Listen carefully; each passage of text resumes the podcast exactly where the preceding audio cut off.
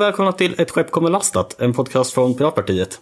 Eh, idag ska vi testa ett lite nytt koncept eh, där vi bjuder in icke-pirater till att ställa frågor till våra företrädare. Prata politik på sina egna villkor. Idag heter vår gäst Sara eh, och vår expert, om man kan kalla honom det, heter Mab. Honom har ni hört förr och de flesta som känner till Piratpartiet känner till honom. Men du kanske kan börja presentera dig själv Mab? Ja, jag heter alltså då Mattias Bjernevall, men jag kallas Mab för det är mycket kortare. Och jag jobbar med digitala frågor i Europaparlamentet.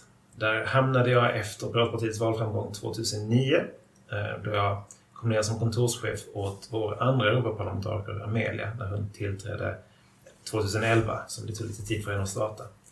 Så jag jobbade med henne och efter att Svenska Piratpartiet lämnade Europaparlamentet så stannade jag kvar med Tyska Piratpartiet som hade kommit in då med Julia Reda. Först ordnade upp hennes kontor och sen blev jag anställd av Gröna gruppen som då sakkunnig i digitala frågor. Och det har jag varit sedan dess. Just nu jobbar jag mest med artificiell intelligens, men det är ganska tråkigt så det tänkte jag att vi inte ska prata om idag om vi har tur. Då kan du få presentera dig lite kort också. Sara. Jag heter Sara Josefsson, jag är socionom och tvåbarnsmamma. Bra. Eh, ska vi köra igång med dina frågor då kanske? Ja, det gör vi. Min första fråga är vad Piratpartiet gör idag och vilka frågor ni jobbar med och så. Piratpartiet idag jobbar i stort sett med samma frågor som vi gjort sedan starten, även om vi kanske breddat oss en del. Vi jobbar med de frågor som digitaliseringen medför för samhället. Så I och med att digitaliseringen kommit så har samhället börjat förändras och det ställer en massa politiska frågor. Hur ska vi behålla demokratin i ett uppkopplat samhälle? Hur ska vi behålla ett civiliserat samtal utan att påtvinga massa statlig censur för att få bort folks möjlighet att prata fritt på nätet? Hur ska vi se till att alla människor kan ta del av den eh, teknik och kultur och kunskap som vi kan ta del av tack vare eh, hur lätt det är att sprida digital kunskap? Eh, att vi inte låser in den för att återskapa en, eh, den begränsning som fanns i spridning förr. Det vill säga, vi tittar på hur digitaliseringen kan gynna människorna och samhället och så försöker vi skapa politik kring det. Och det här jobbar ni med på vilka nivåer?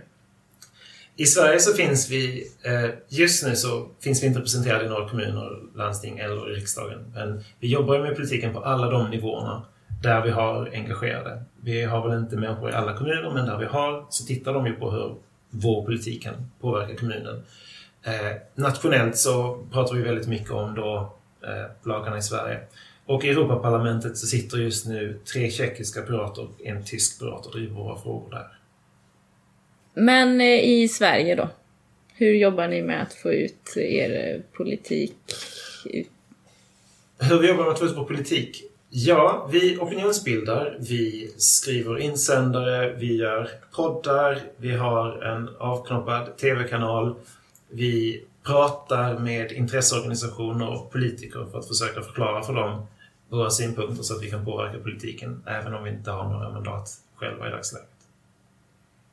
Okay. Men det är, det är som allt påverkansarbete.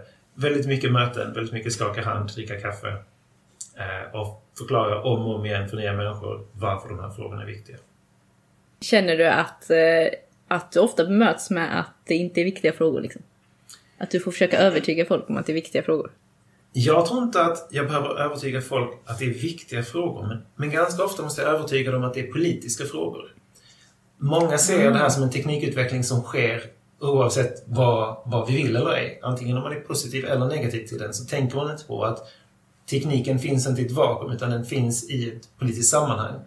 Hur vi väljer att bygga upp samhället med tekniken spelar roll.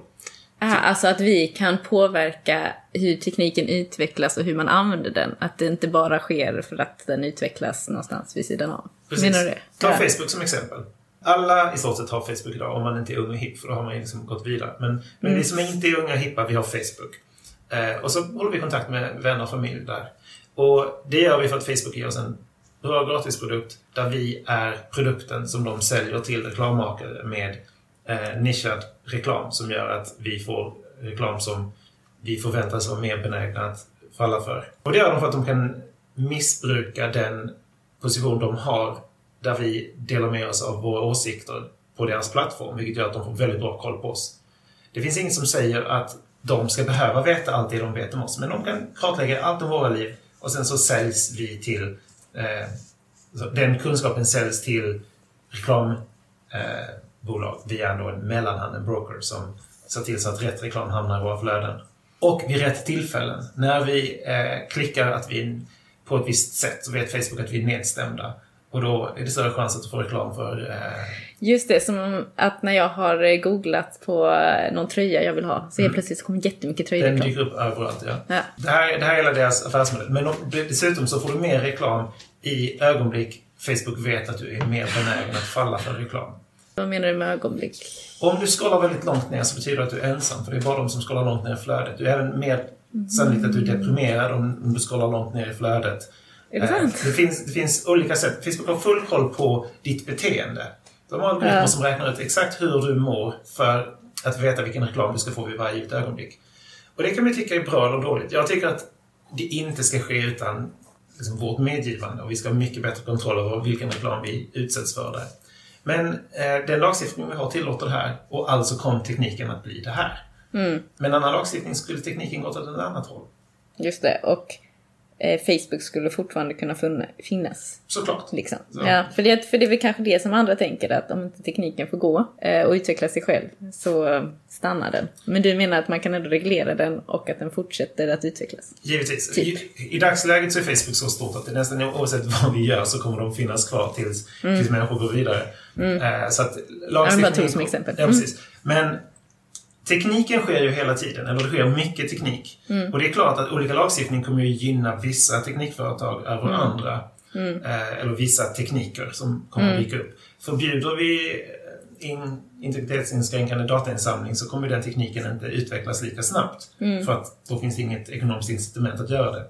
Däremot så kommer vi, och det har vi sett sedan eh, dataskyddsförordningen trädde i kraft i Europa, då utvecklar vi mer teknik som är bra på att särskilja den data som får samlas in och den personliga datan som inte får samlas in. Så att då kommer en annan teknik utvecklas. Ja, precis, för då finns det en arena för det. Tekniken, ut, alltså, tekniken går framåt och sen så kan vi styra vilken teknik vi vill ska Ja. gå mer framåt genom då vilka regler vi vill ska gälla. Just det. Ehm, om, nu vill jag inte prata om AI, men tittar man där. Ehm, just nu så sker det på försäkringsbolagssidan en enorm utveckling av AI för att de ska kunna identifiera vilka kunder som är mest eh, benägna att behöva använda sin försäkring så att de kan göra den dyrare för dem. Vilket egentligen går mot själva idén med försäkringen, där man delar på risken så att säga. Ehm, det finns även eh, AI som utvecklas för att hjälpa myndigheter att kolla om du är berättigad till visst stöd och liknande. Vissa av de här sakerna är jättebra, andra är mer problematiska. Särskilt om du utvecklar det utan att det finns en mänsklig agens och någon som man kan så att säga, tydligt veta vem som fattat beslutet.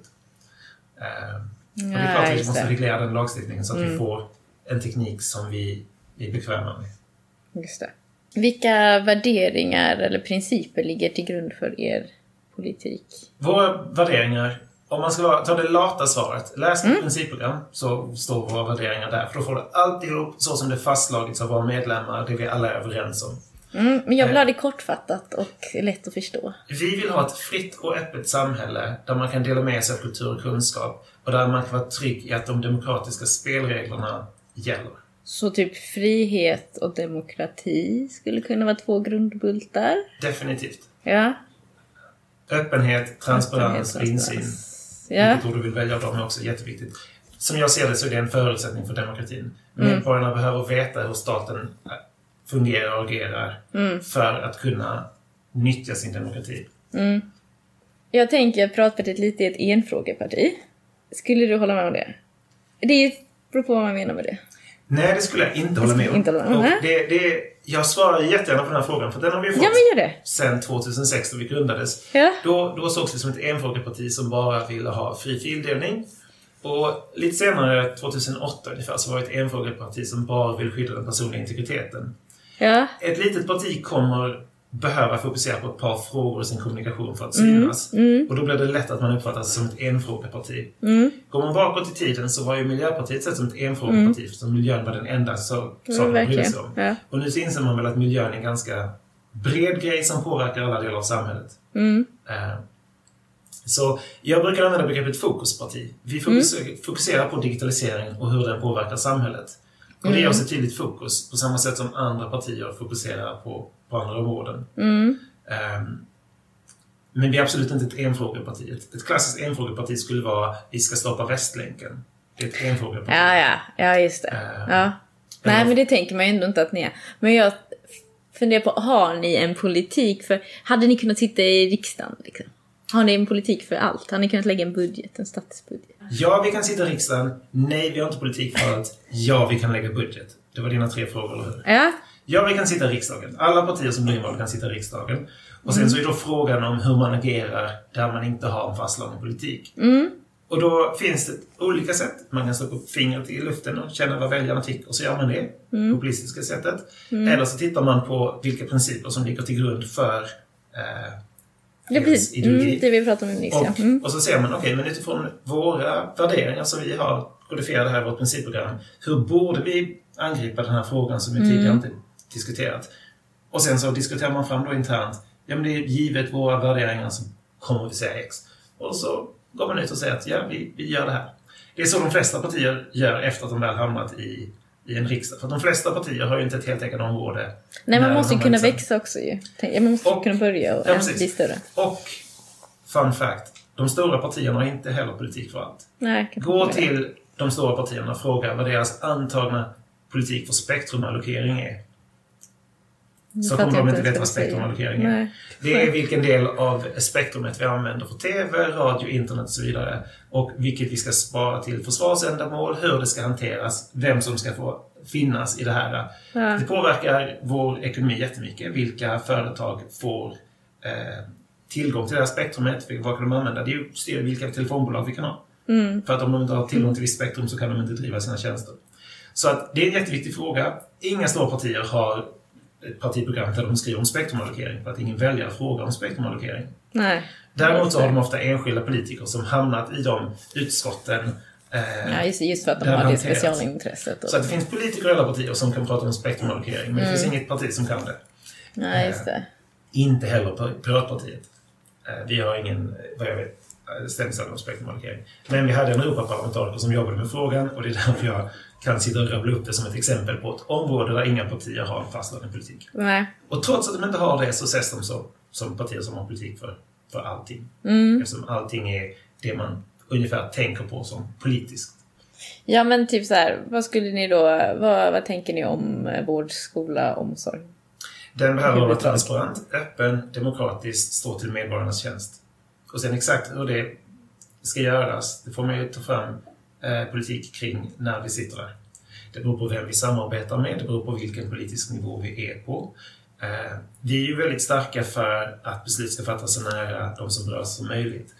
Vilket väl gör att vård, skola och omsorg, man måste se till så att det finns ett lokalt perspektiv i den frågan. Att man inte centraliserar allting. För att då går man för långt ifrån eh, de som ska ta del av vård, skola och omsorg. Man måste se till att den är rättvis, transparent. Man måste se till att om den inte sköts av det offentliga så måste ändå de värderingar om öppenhetsprincipen som vi har för det offentliga gälla för de här samhällsfunktionerna oavsett vem som utövar det. Eh, Det finns jättemycket som man kan göra på det området. Men typ så här, vad tänker du om migration då? Det är ju lite inne. Piratpartiet har nog undvikit att diskutera migration jättemycket. För det är en ganska infekterad fråga och människor eh, tenderar att dra ner den till är du för eller mot migration? Jag skulle säga återigen, migration är någonting som händer. Tittar man på hur världen ser ut så kommer migration ske.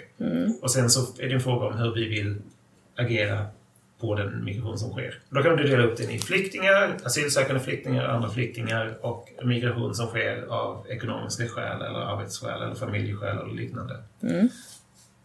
Piratpartiet har alltid velat ha ett öppet och fritt samhälle. När man ger människor kunskap om hur världen funkar och vad som finns här och var så kommer människor vilja flytta på sig.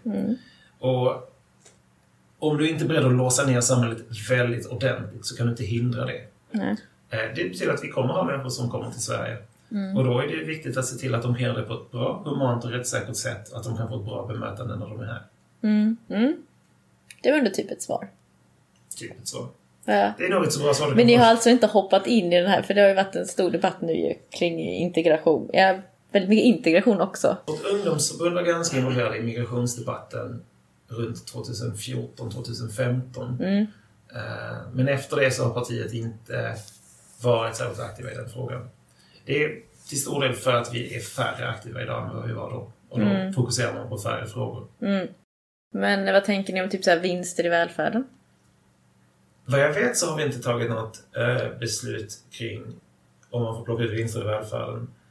Eh, Jag känner ju att jag eh, delar de här grundvärderingarna. Eh, Men eh, sen så finns det så många frågor som också känns viktiga för mig i ett val och som kanske känns mer viktiga. Och det är där som det blir svårt. eh, Man vet liksom inte riktigt vad man röstar på. Om man röstar på er i de frågorna. Liksom. Det har du helt rätt i. Men, här kanske är lite bittert, men du vet inte vad du röstar på oavsett vem du röstar på. Nej, fast man kanske vet i de frågorna. Ja, Om man nu tycker att de är i en viktiga. regering och förhandla med Ja. andra partier. Och så blir det annorlunda vad de Och så säger. blir det annorlunda. För att Mm. så länge du inte... Så länge inte partiet styrs av en person och det, personen, och det partiet får 51 procent så kommer du aldrig veta vad du röstar på. Du vet vilka värderingar som ligger bakom och det är ungefär så mycket du kan hoppas på. Och sen så kan du förhoppningsvis över tid veta hur pass bra det partiet och dess medlemmar är på att faktiskt hålla sig till de värderingar de säger att de förespråkar. Eh, För där kan ju också finnas en diskrepans. Eh, Typexemplet skulle då vara mitt favoritobjekt, Liberalerna, som döpte om sig till Liberalerna för att visa att de var liberala och sen antog mindre liberal politik än vad de hade när de hette Folkpartiet. Eh, Så att, svårt att veta vad man får oavsett vad man röstar på. Ja. Och där är ju alltid mitt standardargument. Vill du veta vad du röstar på? Kandidera själv. Då vet du vad du röstar på. Hitta det parti du tycker bäst om, aktivera dig där, bli medlem, påverka. Då vet du vad du röstar på. Jag är jättelätt. Jag kan kryssa mig själv i massa val. Jo. Men vad är, för jag tänker, eh, vill ni, vad vill ni vara för parti? Vill ni vara ett jättestort parti?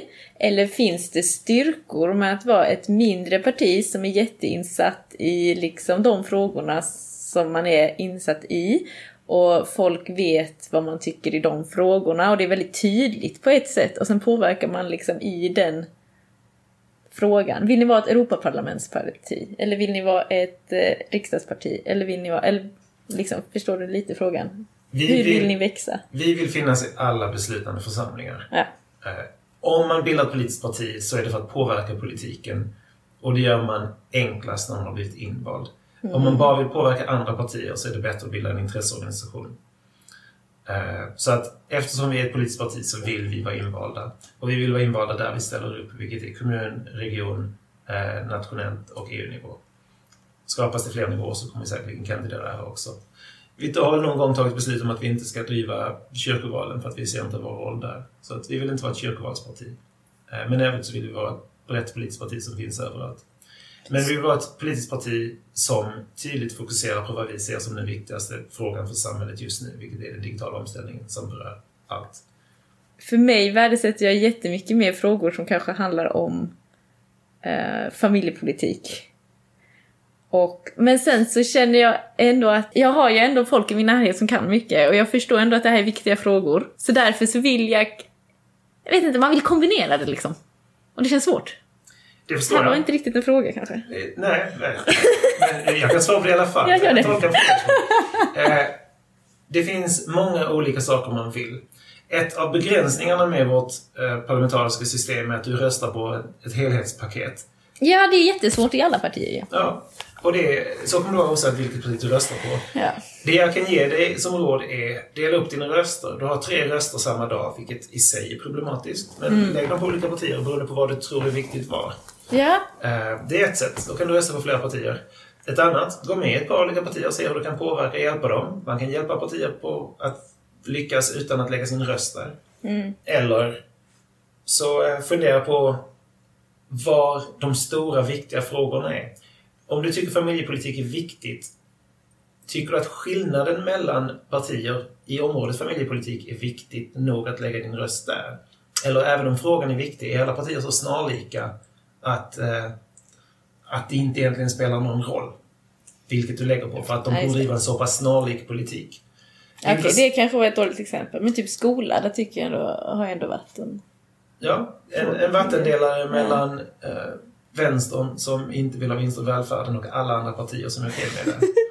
Så om det är din viktigaste fråga, och det här kommer säkert en del piratpartister bli upprörda. Om din viktigaste, är en fråga, viktigaste fråga är en fråga där vi inte har tydligt ställningstagande och vi tydligt går ut med att säga att det här är någonting vi kommer driva, välj ett annat parti. Det är inte så att vi är det bästa partiet för alla människor. Vi är det bästa för partiet för de människor som delar vår syn på samhället och vill driva en utveckling åt det hållet. Tycker man att något annat är viktigare, då ska man hitta ett annat parti och hjälpa dem att lyckas med den frågan. Nej men det var ett bra exempel det där med att man kan eh, ju faktiskt rösta på olika partier i olika, på olika nivåer. Eh, men jag tänker på en annan grej också. Men, för det är lätt att man tänker också att de är så små. En röst på dem är liksom en röst i havet. En bortkastad En röst. bortkastad röst säger man kanske. Ja. Är det det? Hur Nej. kan det vara positivt ändå? Kan det vara det? Jag skulle säga så här om hela konceptet med bortkastade röster. Mm. Det går emot själva principen med varför vi har demokratiska val. Vi har demokratiska val för att folk ska kunna yttra vad de vill. Mm. Och sen är idén om att en bortkastad röst, den bygger inte på vad folk vill utan en spelteori om vad de kan maximera sitt inflytande. Och det är inte nödvändigtvis rimligt. Framförallt så bygger det på en felaktig premiss. Och det är att de kan påverka. För låt oss säga att du röstar på Moderaterna. Mm. Om du inte hade... För att du inte vill kasta bort din röst på Piratpartiet. Om du inte hade röstat på Moderaterna i det valet så hade de fått exakt lika många mandat som om du röstade på dem. Tanten ja. Att de kom in i riksdagen gör inte din röst mindre bortkastad. För en röst spelar i nästan alla fall ingen som helst roll. Nej. Och så finns det ju trösklar när man får ett mandat till. Eller då den stora tröskeln 4% för att komma in i riksdagen. Eller 1%-tröskeln när man får sina valsedlar finansierade. Även för det valet och framåt, vilket är en jätteviktig tröskel för små partier. 2,5%-tröskeln om man börjar få partistöd. Och givetvis då även få vara med i fler opinionsundersökningar och sånt framåt. Men kan du inte förklara det här igen? För det här är något som jag inte alls hade kläm på innan. Alltså att de här andra procenten, att det kan vara viktigt för ens parti. Inte bara om man kommer in i riksdagen eller inte. Den bistra sanningen är att det är dyrt att driva politiska partier. Piratpartiet bygger på donationer för att det är den frivilligheten vi vill, vill se. Men ska man utvecklas vidare så behöver man mer pengar och det får man via partistöd. Och det har ju då staten insett och därför ger de partistöd till partier i Sverige. Plussidan, partierna blir mindre beroende av enskilda rika eh, donatorer eller företag. Minussidan, de blir beroende av staten. Också på minussidan, det är de stora partierna som sätter spelreglerna och det är satta för att gynna de stora partierna. Så det mesta partistödet får man om man kommer in i riksdagen. 4%. Men för att vara lite schyssta och för att hantera att ett parti kan åka ut ur riksdagen så har man satt en annan gräns och det är 2,5%. Och från 2,5% så får man alltså ett partistöd. Och det ökar för varje 0,1% utöver 2,5% man får. Ah, så det är viktigt hela vägen mellan 2,5 och 4 också Ja. liksom. Och beroende på hur mycket du får där så får du pengar. Och sen så finns ett sista, en sista nivå och det är då 1%. Och om man kommer över 1% så får man valsedlarna som man bekostade i det valet återbetalda. Och om jag minns rätt så får man valsedlar distribuerade, eh, distribuerade och tryckta två kommande val.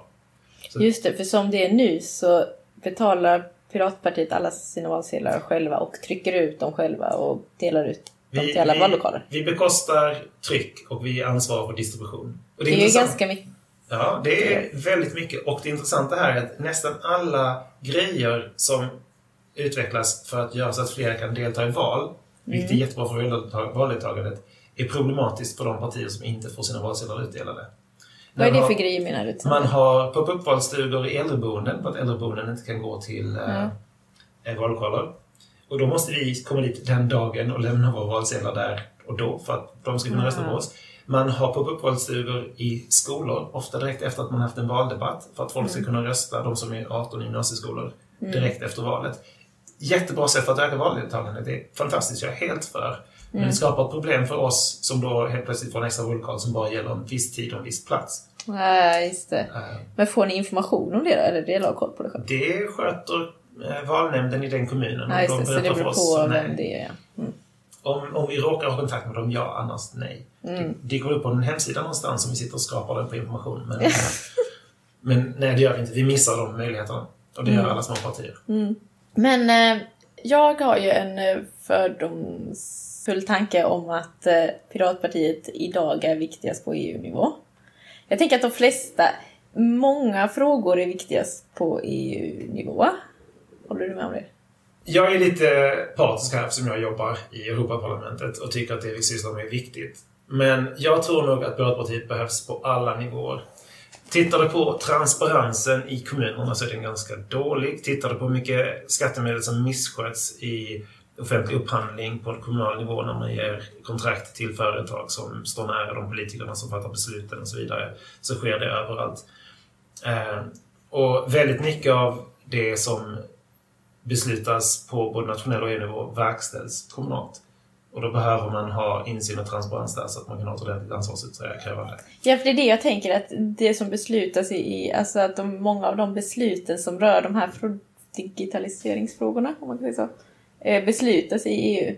Men det, inte, det kan vi spinna vidare på den där tråden du hade där kanske. Typexemplet är väl eh, skolplattformen i Stockholm där man pumpat in pengar till konsulter för ett, ett, ett en plattform som gör att föräldrar kan ha koll på och anmäla sjukfrånvaro, närvaro och allting för sina barn i skolan. Jättebra idé, men som då blivit dyrt, konstigt, eh, pengar läckt ut till konsulter till höger och vänster och aktivt motarbetat då föräldrar som vill utveckla en bättre tjänst som ligger ovanpå den här plattformen, så gör ett bättre gränssnitt för användarna.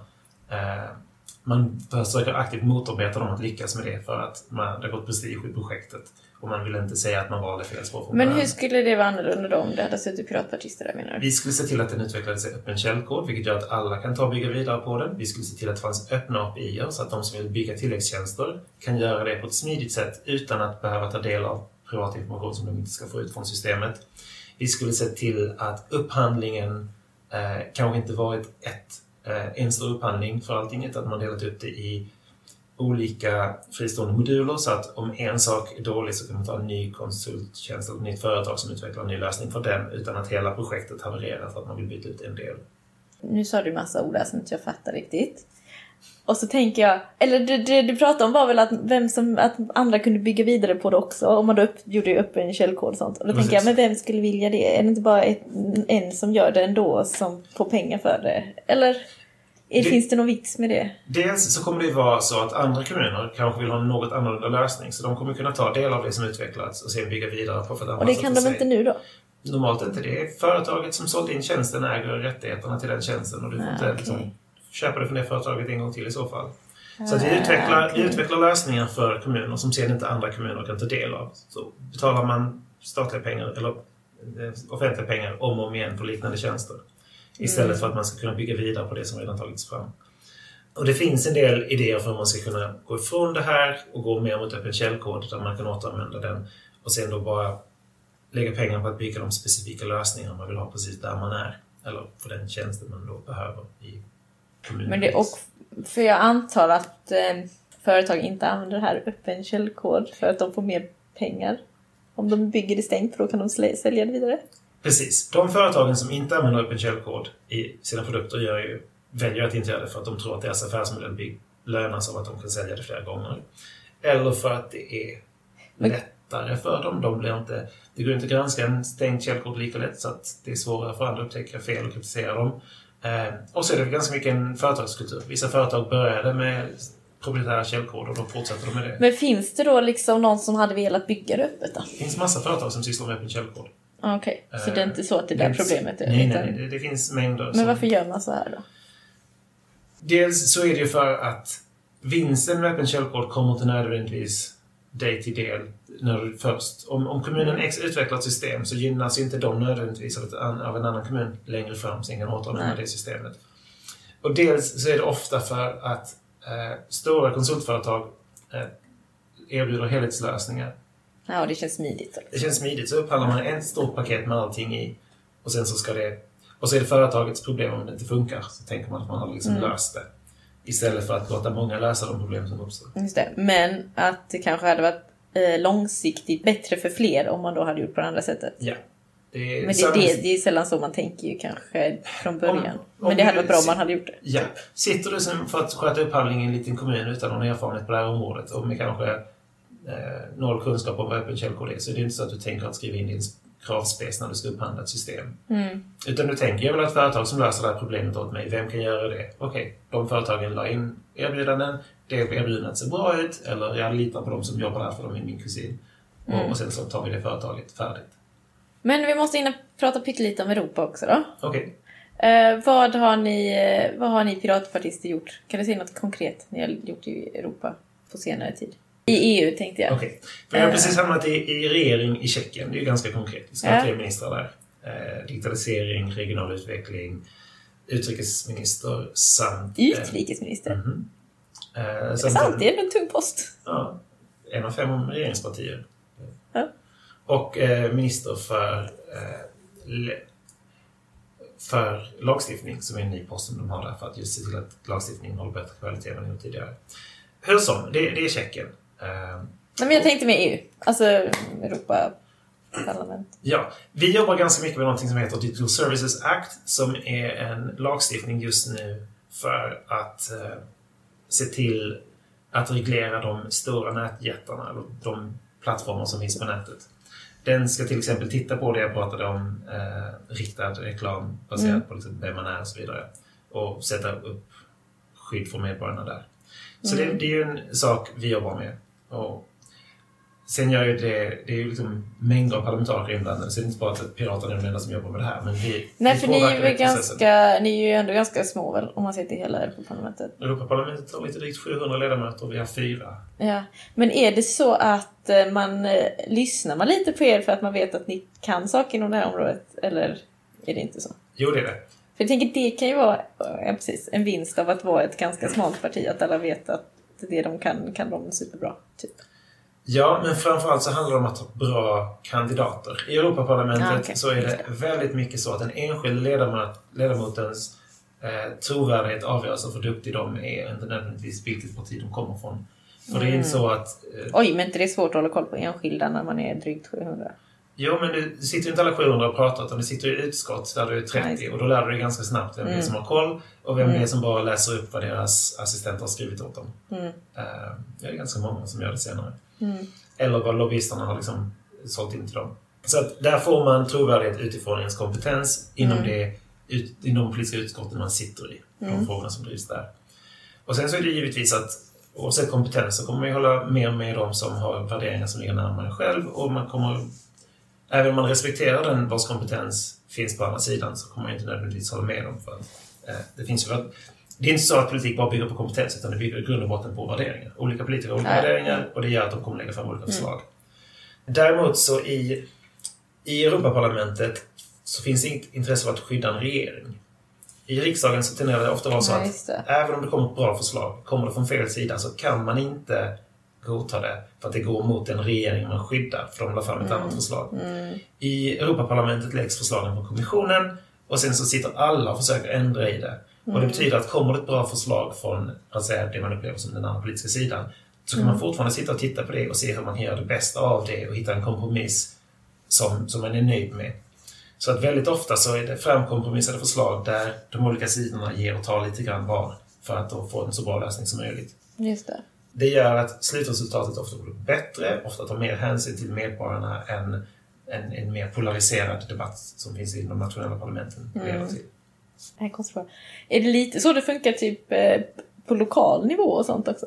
För, kan jag tänka mig, men jag vet inte alls. Bra fråga. Jag har inte jobbat på kommunal nivå så att jag vet inte det. Men jag tror att, som jag har förstått av att prata med människor som jobbat med politisk, politik på kommunnivå så är det mycket mer hands-on och Mm. hitta lösningar Mm. och mindre eh, principiella strider. Och tittar man på vilka koalitioner vi har i kommunerna runt om i landet så verkar de ju också vara mycket mer pragmatiska Mm. än, äh, än riksnivån. ja. Alltså det finns partikonstellationer som kan sitta och styra en kommun som aldrig skulle kunna samarbeta nationellt. Mm. Så att min uppfattning är att ja, du har nog rätt där. Jag tror att det är mer att man pratar med alla för att det är mer konkreta frågor på den kommunala nivån. Men ehm, tillbaka till EU här då. Mm. När det kommer så här eh, digitaliseringsfrågor, Ja. om vi generellt kallar det så. Möts ni ofta av att folk inte har koll alls? Menar du folk i Alltså- parlamentet eller menar du eh, väljare eller menar Nej, nej, nej. Alltså i parlamentet eller utskottet. Det är väl samma människor, bara att du... Ja, utskottet är precis. mindre. Utskotten är... För jag tänker, det kan ju vara lättare att göra sin röst hörd om eh, man är de... Alltså även om man har olika värderingar så måste man ju också ha lite kunskap inom området för att kunna uttala sig. Ja, jag skulle säga att det blivit mycket bättre. När vi kom 2009 till Europaparlamentet så var det få digitala frågor som dök upp och det var få parlamentariker, parlamentariker som tyckte att de var viktiga. Man kunde inte nischa sig mot digital politik enligt de flesta. Nu så är det så enorma mängder lagförslag på digitaliseringsområdet som kommer så att det finns många politiker, inte bara pirater, som i stort sett bara jobbar med digitala frågor för att det fyller liksom hela deras arbetstid. Och det är fler olika utskott som är inblandade. Det finns alltså inte ett utskott för digitala frågor utan är det, handlar det om telekom så är det industriutskottet. Handlar det om eh, digitala tjänster så är det inre marknadsutskottet. Handlar det om eh, övervakning av eh, chattprogram så är det utskottet för medborgerliga rättigheter och civilrättsliga frågor. Och handlar det om upphovsrätt så är det det legala utskottet. Handlar det om vad som ska streamas på Netflix så är det kulturutskottet. Så det är, Mm, just det, finns liksom på många. Men eh, hur funkar det egentligen? Kolla om för Amelia. Mm. Är det, det vår senaste, er senaste eh, Europaparlamentariker? Amelia var en Från- av de två svenska Från Europaparlamentarikerna. Sverige. Ja. Mm. Då satt hon och röstade i det stora Europaparlamentet då. Och i utskotten. Förlåt. Och så var hon också del av ett utskott. Hon satt i Eller hur tre funkar det? utskott. Man sitter i flera utskott. Är det olika också kanske? Ja, varje grupp, varje politisk grupp i Europaparlamentet får ett antal utskottsplatser utifrån sin storlek. Och sen- Varje grupp, Mm. inte varje part, alltså, landsparti. Utan då är det liksom er grupp som Det är ni den hör gruppen, tillsammans. Och sen så delar man upp platserna mellan sig där. Okej. Och i stort sett så kan varje parlamentariker vara säker på att få en eh, ledamotsplats som full ledamot och en ersättarplats i ett annat utskott. Mm. Och sen så finns det lite fler platser än så, så ofta så kan en del då ha ett tredje utskott, men inte alla. Men då påverkar hon politiken mest i de utskotten hon sitter i, antar jag. man Om vi tar påverkar- henne som exempel. Precis. Man påverkar definitivt mest i de utskotten man sitter i, även om man kan lägga eh, ändringsförslag även i lagstiftning som hamnar i andra utskott. Ja. Men om man inte är där för att lobba för och prata med sina kollegor och så vidare så kommer ju ens ändringsförslag inte ha så stor chans att gå igenom. Så att man påverkar mest i de utskotten man sitter i. Ja, men det vet man inte innan vilket hus man kommer hamna i. Eller? Nej, innan valet. Precis. Men man kanske... Man vet ju ungefär vilket man vill. Men jag bara tänker så här. För om man då till exempel skulle rösta på dig i nästa Europaparlamentsval, om du kommer vara med där. Mm. Eller någon annan piratpartist. Ja. Då hade det varit kul att veta vilken politik som De du kommer- kommer, eller den kommer eh, påverka. ja, det håller jag med om. Man kan ju fråga. För Ja, att fast om man, man inte vet själv. Eller ja. parlamentarikerna vet ju vad de vill. Ja, och det är ungefär vad man kan svara på. Eh, och de som vet vilka utskott de vill sitta i har större chans att hamna i de utskotten. För att när grupperna frågar vem vill sitta var, om vissa säger jag Mm. Ja, vill sitta där. Och sen Ja. säger en annan, jag vet inte, jag vill jobba med lite sånt här. Då får de det som blir över. Så Ja. det, ju mer insatt man är i hur man ska få sina utskottsplatser, ju större Ja. chans är det att man får dem. Just det. Men sen så kan vi ta exemplet Tobé som är moderat. Eh, Tobias Tobé? Mm. Eh, moderat EU-parlamentariker. Han pratade om massa olika saker i kampanjen. Han ville göra allt möjligt. Mm. Men sen fick han en möjlighet att bli, jag tror han är ordförande för ett av utskotten. Eh, och då valde han det utskottet. För, Ja, för att han vill vara ordförande. för att ordförande har en, är ju en inflytande Jo, jo, post. precis. Ja. Så att det var det viktiga att få inflytande i ett, i ett utskott, vilket det än var, än vilka frågor han jobbade med. Ja. Eh, Jag säger inte att det är fel val. Men vissa politiker kommer att vara mer intresserade av att ha så mycket inflytande som möjligt och andra kommer att vara mer intresserade av att ha inflytande i de frågor de tycker är viktiga. Och det kan vi också kolla med ledamöterna. Europaparlamentsvalet är ju väldigt lätt. För där är det... Du kan ju titta på listan så vet du att det är de här tre eller fyra sossarna som blir invalda. Det är de här tre eller fyra moderaterna som blir invalda. Det är de här en eller noll eh, piratpartisterna som blir invalda. Chansen att folk ska kryssa sig är så liten så att man vet, man vet i stort sett vilka personer det rör sig om i förväg. Och det är så pass få att man kan ha faktiskt koll på alla liksom, 22 eh, svenska Europaparlamentarikerna och de då 30 kanske möjliga kandidaterna som skulle kunna bli invalda. Och fråga dem, vilka utskott vill du sitta i? Vad vill du göra där? Det är svårare i riksdagen där man ju, om ett parti kommer in får 15 platser från spridda över hela landet. Och de delas ju också upp i utskott i riksdagen och så jobbar de med frågorna där. Men det blir automatiskt fler människor i fler utskott så det är mycket svårare att få en, bild över hur den egna rösten påverkar. Just det. Men eh, så man jobbar inte så mycket i sin grupp utan man jobbar i utskotten? Nu blir det här EU-quiz. Man jobbar i utskotten, det är där all lagstiftning sker. Och sen så i det utskottet, så låt säga, nu är det gröna gruppen är den jag kan bäst. Mm. Och vi kan ta utskottet jag jobbar i som då är det speciella utskottet för artificiell intelligens i den digitala... Vadå, jobbar du också i ett utskott även om du inte... Jag är sakkunnig i ett specifikt utskott. Aha, jag tror det var sakkunnig för hela gruppen. Jag är sakkunnig för hela Nej, gruppen. Fast i, ett det utskottet. Precis. Aha. Där har jag tre ledamöter och tre ersättare. Vi har en arbetsgrupp. Det är ett specialutskott, så vi ska skriva en rapport. Vi är inte lagstiftande. Men hur många utskott måste det finnas då? Det måste inte finnas jättemånga. Vi har tre specialutskott just nu. Okej. Eh, fyra, förlåt. Djurtransport, cancer, AI Jaha, okej. eh, Så de är så väldigt specifika och kanske lite mer tidsbundna. Ja. Och sen försvinner de. Och så Precis. finns det vissa utskott som alltid finns. det, de lagstiftande utskotten är de ständiga utskotten. Ja. Och sen så finns det tre olika sorters specialutskott. Men de är tidsbundna alla de. Ja. Så att mitt utskott försvinner i mars nästa år. Ja, ja. Men, eller förlåt, höll du på Ja. att svara på en fråga? Där har vi... Ja, ja. I det här utskottet fråga. tre ledamöter och tre ersättare som bildar en arbetsgrupp. Så att när det dyker upp någonting så diskuterar vi då de sex ledamöterna och vi tjänstemän som är kopplade Mm. till det här utskottet och deras ledamöters assistenter som jobbar med det här utskottet Mm. diskuterar vad gruppen bör tycka. Eh, och sen om vi känner att det är osäkert så flaggar vi upp det till hela gruppen och ska man lyfta upp det på ett gruppmöte. Eh, tycker vi att det är någonting mittemellan osäkert så har vi även då ett kluster av utskott som Mm. jobbar ihop så man kan lyfta upp det dit så att inte hela gruppen behöver diskutera det. Mm. Beroende på hur, hur allvarlig frågan är kan man lägga den på olika nivåer. För att Okej. sä- säkerställa att gruppens vilja är hela gruppens vilja. Men det gör ju Och att hela gruppen då... det är ju då hela gröna eh, gruppen som jag jobbar för. Men då kan man ju säga att de här sex personerna som sitter i Jaha, så då kan ni ändå träffas i gruppen då? Ja, ja, när man, som, när man pratar om det här tänker vi i det här utskottet. Tänker vi samma, vad sägs om det? Ja. Och sen tar man med det till utskottet igen då, vad Precis. gruppen tyckte. Ah, Men det är inte så att man kollar varenda liten Nej, ändringsförslag. nej, utan nej. de stora linjerna lyfts upp till gruppen. ja. Eh, och så säger man vi, vi tänker rösta nej till hela det här paketet för att det strider mot de här viktiga värderingarna. Är det okej? Och Mm. så säger gruppen jajamän. Och sen så kommer man tillbaka och så säger man då i förhandlingarna att vi kommer att rösta emot. Och då har man ju kollat liksom det med gruppen. Och det gör man om det är osäkert. Är det alldeles uppenbart att gruppen kommer att rösta emot så behöver man inte kolla med gruppen. Och Mm. är det, ja. Så det, det beror helt på frågan. Men man, man, man förankrar med gruppen. Och vi tjänstemän har ju då en extra roll att se till att de enskilda ledamöterna får veta när deras linje kanske inte är gruppens. Mm. Så att det är viktigare för mig att hålla koll på vad gruppen tycker än vad det kanske är för ledamöterna.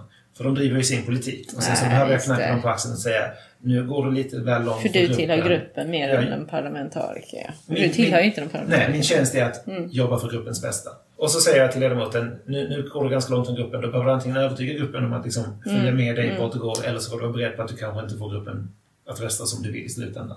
Okej, men en sista fråga då som också var det som vi vill komma till med det här. Finns det några typiska utskott som piratpartister hamnar i? Som kandiderar i EU-parlamentariker? Ja. När vår första Europaparlamentariker Christian Engström blev vald så Ja. satte han sig i utskottet för den inre marknaden. För det är där Det där säger ju ingenting. Utskottet från inre marknad. inre marknaden och konsumentfrågor, det är där lagstiftning för hur eh, företag som agerar på den europeiska marknaden ska agera.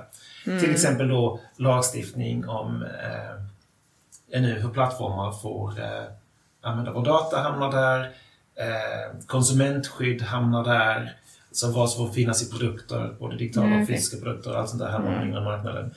Och sen så eh, satte han sig i utskottet för legala frågor, för det är där immaterialrätten hamnar. Det är där patentlagstiftning hamnar, det är där upphovsrättslagstiftning hamnar, varumärkesskydd, affärshemligheter, men även massa andra frågor som då kanske inte är piratfrågor. Men de där piratfrågorna hamnar där. Mm. När Amelia kom in så satte hon sig i industriutskottet, för det är där telekomreglering eh, hamnar. Spektrumallokering som är viktigt. Men även vad ska räknas som bredband? Får man säga att någonting är bredband om det egentligen är glorifierat kopparfiber? Det får man tack vare Tyskland. Deras ADSL-modem räknas som bredband. Jag gör air quotes för er som inte ser det. Eh, för Vänta, det här handlar om... Tänk dig så här. Det, Telekom, det, är sånt här jag inte fattar. Liksom. Nej, förlåt. Tyska, tidigare tyska Televerket har privatiserat, privatiserats, precis som svenska, och heter Deutsche Telekom. Det företaget är fortfarande ett monopolföretag, mer eller mindre. De har hela marknaden. Telefonledningar går i koppar som material. Internet går oftast i fiber, vilket är glas. Och det är därför det kan gå så snabbt. det går mycket snabbare i glasfiber. Men Ja. i koppar så kan man använda teknik i änden av koppartrådarna för att göra att det går lite snabbare. Och den tekniken kallas ADSL. Äh, Och men när- vi skulle inte kalla det bredband då? i- hoppas jag verkligen. Men när, när EU skulle definiera vad som skulle få bredbandsstöd i liksom så här, eh, utbyggnad och liknande. Aha, då lyckades ja. Tyskland jobba igenom, lobba igenom att då ADSL-tekniken skulle räknas som bredband. För att Deutsche Telekom har så stort inflytande Ja, ja. i Tyskland Mm. och Tyskland har så många ledamöter. i Europaparlamentet. Ja. Precis. Så att vi har en sämre lagstiftning på bredbandsområdet för att tyska telekombolaget har så stort inflytande och Tyskland är så stort. Okej, men det var det utskottet hon valde då ja? Industriutskottet, ja. Eh, och de jobbar med all typ av industripolitik. Så det är inte bara liksom, digitaliseringsfrågor, men, eh, men allting som rör digitalisering. Det stora andra frågor där för oss är hur data ska regleras, alltså hur man ska kunna byta ut data, datasätt mellan företag. Och då menar jag inte persondata, utan de menar liksom all annan data. Eh, standardisering inom tekniken hamnar industriutskottet och så vidare. Massa, massa intressanta frågor. Ja, men det känns som att ni kan hamna var som helst ju. Det finns många utskott, så det finns en utskott, det är utskott vi inte hamnar i så ofta. Sen Ja, satt okej. hon sig även i kulturutskottet, satt hon inte i. Hon satt i budgetkontroll och sen så satt hon i något jag glömmer. Ehm, Men eh, får man prata om nästa val då? För jag Ja, tänker historien, den, den har ju redan varit. ja, men låt mig bara köra. Ja, ja, jag kör. IMCO, ITRE, LIBE som är rättsliga frågor, eh, civilrättsliga frågor och medborgerliga rättigheter. Ja, just det, det är demokratifrågor. Ja, men Ja. även migration hamnar där Ja. i utskott. Och sen så då jury som har rättsliga frågor som är mer legal karaktär som upphovsrätt och patent och så vidare. Och sen så kult som är kulturutskottet som inte har så mycket lagstiftande. Men till exempel de som reglerat att streamingtjänster måste ha viss europe- europeisk produktion på sin, eh, i sin katalog. Och de har reglerat hur mycket reklam som får visas dagtid i tv och så vidare. Så den typen av kulturfrågor och kulturpolitik hamnar ju där. Eh, de är ganska tydliga piratutskott. Sen så om man tittar på transparensbiten så hamnar vi ofta i budgetkontrollutskottet. För att de inte bara granskar hur Budgetkontrollutskottet. De Som granskar... kontrollerar budget. Det är ett granskningsutskott för hur EU använder sina pengar. Ja. Och de kan även ge förslag på hur EU kan bli bättre på att redovisa hur de använder sina pengar. Så att om de vill ha ökad Ah, Okej, insyn och transparens så hamnar det där. Sen finns det då ett eh, konstitutionellt utskott för EU-lagstiftning specifikt. Om man vill ändra på EU så kan man sitta där. Där har inga pirater suttit i än så länge. Det finns ett ekonomiutskott eh, där det är intressant med fintech, alltså Mm. teknik för inom eh, finansbranschen. Eh, kryptovalutor och allt liknande Mm. regleras i det utskottet. Så att det är många utskott där pirater kan hamna i. Mm. Men jag skulle säga att inre marknaden och medborgerliga rättigheter, det är de två första utskotten som man försöker täcka som pirat. Och sen om vi får fler invalda så sätter man sig i fler och fler. Just det. Och, Och det är där försöker man driva då sin eh, demokrati, transparens, Precis. eh, den linjen som vi pratade om i början. Ja. Men bara för att göra det krångligare, när ett Ja. lagförslag hamnar i ett utskott så får andra utskott ge utlåtande om det lagförslaget. Mm. Så att om ett lagförslag hamnar då i LIBE för att det handlar om eh, medborgerliga rättigheter och dem, eh, demokratifrågor i stort sett. Så kan fortfarande då inom marknadsutskottet ge sina synpunkter och det legala utskottet kan ge sina Ah, synpunkter. ja, okej. Och lite beroende på vilka regler som tillämpas så väger de här olika tungt. Och det gör att har du en framträdande roll i ett annat utskott så kan du fortfarande påverka lagstiftningen i de utskotten du sitter i genom de här då. Just det, och då kan man ju välja att göra det när det är något... För du sa, du berättade ju innan om att, eh, om något utskott där, eh, där hon satt och där hon liksom, er parlamentariker mest brydde sig om vissa frågor som tas upp där. Och kanske inte lika mycket om andra. Men då kan man ju liksom, eh, när den då går på re- remiss så kan man ju... Ja, men så kan man i alla fall uttala sig om just de frågorna. Ja. Ta eh, Digital Services Act, eh, DSA, som just nu hanteras i då inre marknadsutskottet. Där har vi en pirat i inre marknadsutskottet som jobbar med det där. Och sen så har vi en, en annan pirat som sitter i Ekon, eh, finansutskottet, och ITRE, industriutskottet. Och han jobbar då med synpunkterna från utskotten på det här lagförslaget där. För att Ja. vi ska kunna föra fram våra argument på så många ställen som möjligt. Vi har också... eh, För det här är verkligen något som är er grej. Ja, liksom. precis. Det är, en av de, det är en av de största lagstiftningarna som pågår i EU just nu. På, Mm. definitivt på den digitala sidan, men också över hela brädet. Men kan man inte lite säga, nu sa jag att det förra var sista frågan, men kan man inte lite säga att ni är ett framtidsparti? Det kan man om man vill. Jag tänker att de, här, de frågorna som ni driver kommer vara ännu större i framtiden och kommer påverka jättemycket hur, vi, hur det blir. Jag tror att Ja, framtiden redan är här. Alltså vi tänker att Ja, digitalisering ja, ja, det är det ju. framtiden, Men den kommer ju bara ax- Jag tänker att det bara, det har redan accelererat jättemycket och påverkar oss hela tiden. ja, Men det kommer bara göra ännu mer, såklart. tänker jag. När, när, Men ja, okej, framtiden är här också då. när vi kom in 2009 så var det få lagstiftningsärenden som handlade om digitala frågor. Mm. Nu är det fler än, än vad jag kan hålla koll på. Eh, För att de hamnar i alla utskotten. Ja, Jag sa att vissa utskott hamnar vi inte i. Det har suttit några pirater i, i jordbruksutskottet och det lär Nej. inte göra inom när, närstående framtid. Nej. Men jag har fått ge feedback till dem kring smart farming. Alltså hur man ska använda smarta lösningar för att förbättra jordbruket. Och hur datan ska hanteras från det. Ska det vara jordbrukarnas data eller är det företagen som leasar produkterna till dem för att de Nej, ska bli det tar sig in överallt liksom. Precis. Så att bredden av utskott som har digitala frågor någon gång har ökat enormt. Det, det liksom dyker upp överallt. Och vi gör det redan nu. Och det kommer, som du säger, det kommer bli ännu mer i framtiden. Men det är definitivt här redan nu. Ja, och jag känner mig nöjd. Ja, men vad bra. Alla känner sig nöjda och glada. Vi ja, det vet vi. Jo, eh, vi nämnde ju det här med spektrumallokering innan. Så jag tänkte bara eh, följa upp den cliffhangern lite grann och säga att Piratpartiet har en politik om spektrumallokering. Ja, vad bra. Eh, Det är en, en, ett stycke i vår nätpolitik. Så det kan man ju googla upp om man är nyfiken på spektrumallokering. Det här är lite genant. Det var jag som skrev den biten. Ja, det var du. Men du vet inte om att du har gjort det. Jo, jag vet nu när du säger det. Jag kommer bara inte ihåg att vi faktiskt röstade igenom hela det stycket. Jo då. Det stämmer. Det finns kvar. Ja, bra. Jag har väldigt bra politik om spektrumallokering. Eh, ja, och där finns ju en massa sakpolitik att läsa in sig på om man är nyfiken på exakt vad vi tycker om skola och vård och allt möjligt annat också. Visst, Det är ju men ni inte- har klubbat igenom. Vi har klubbat igenom ett vårdpolitiskt program, det gjorde vi nu i höstas. eh, Och ett skolpolitiskt program för, förra året. Vi håller på liksom och betar av de här områdena och Ja, tar reda på vad betyder våra principer för det området. Eh, Det är ju inte heltäckande, det är inte lika stort som de andra partiernas, men det är åtminstone en, en riktning om man är nyfiken. Ja, men det kan ju räcka om man tycker att man håller med er om den andra politiken. Så vill man ju bara veta att riktningen är rätt. Ja. Nej men då så. Då känner vi oss alla nöjda och glada och förhoppningsvis eh, så är även ni som lyssnar nöjda och glada. Det är vår målsättning. Eh, så eh, tack för den här gången. Hej då!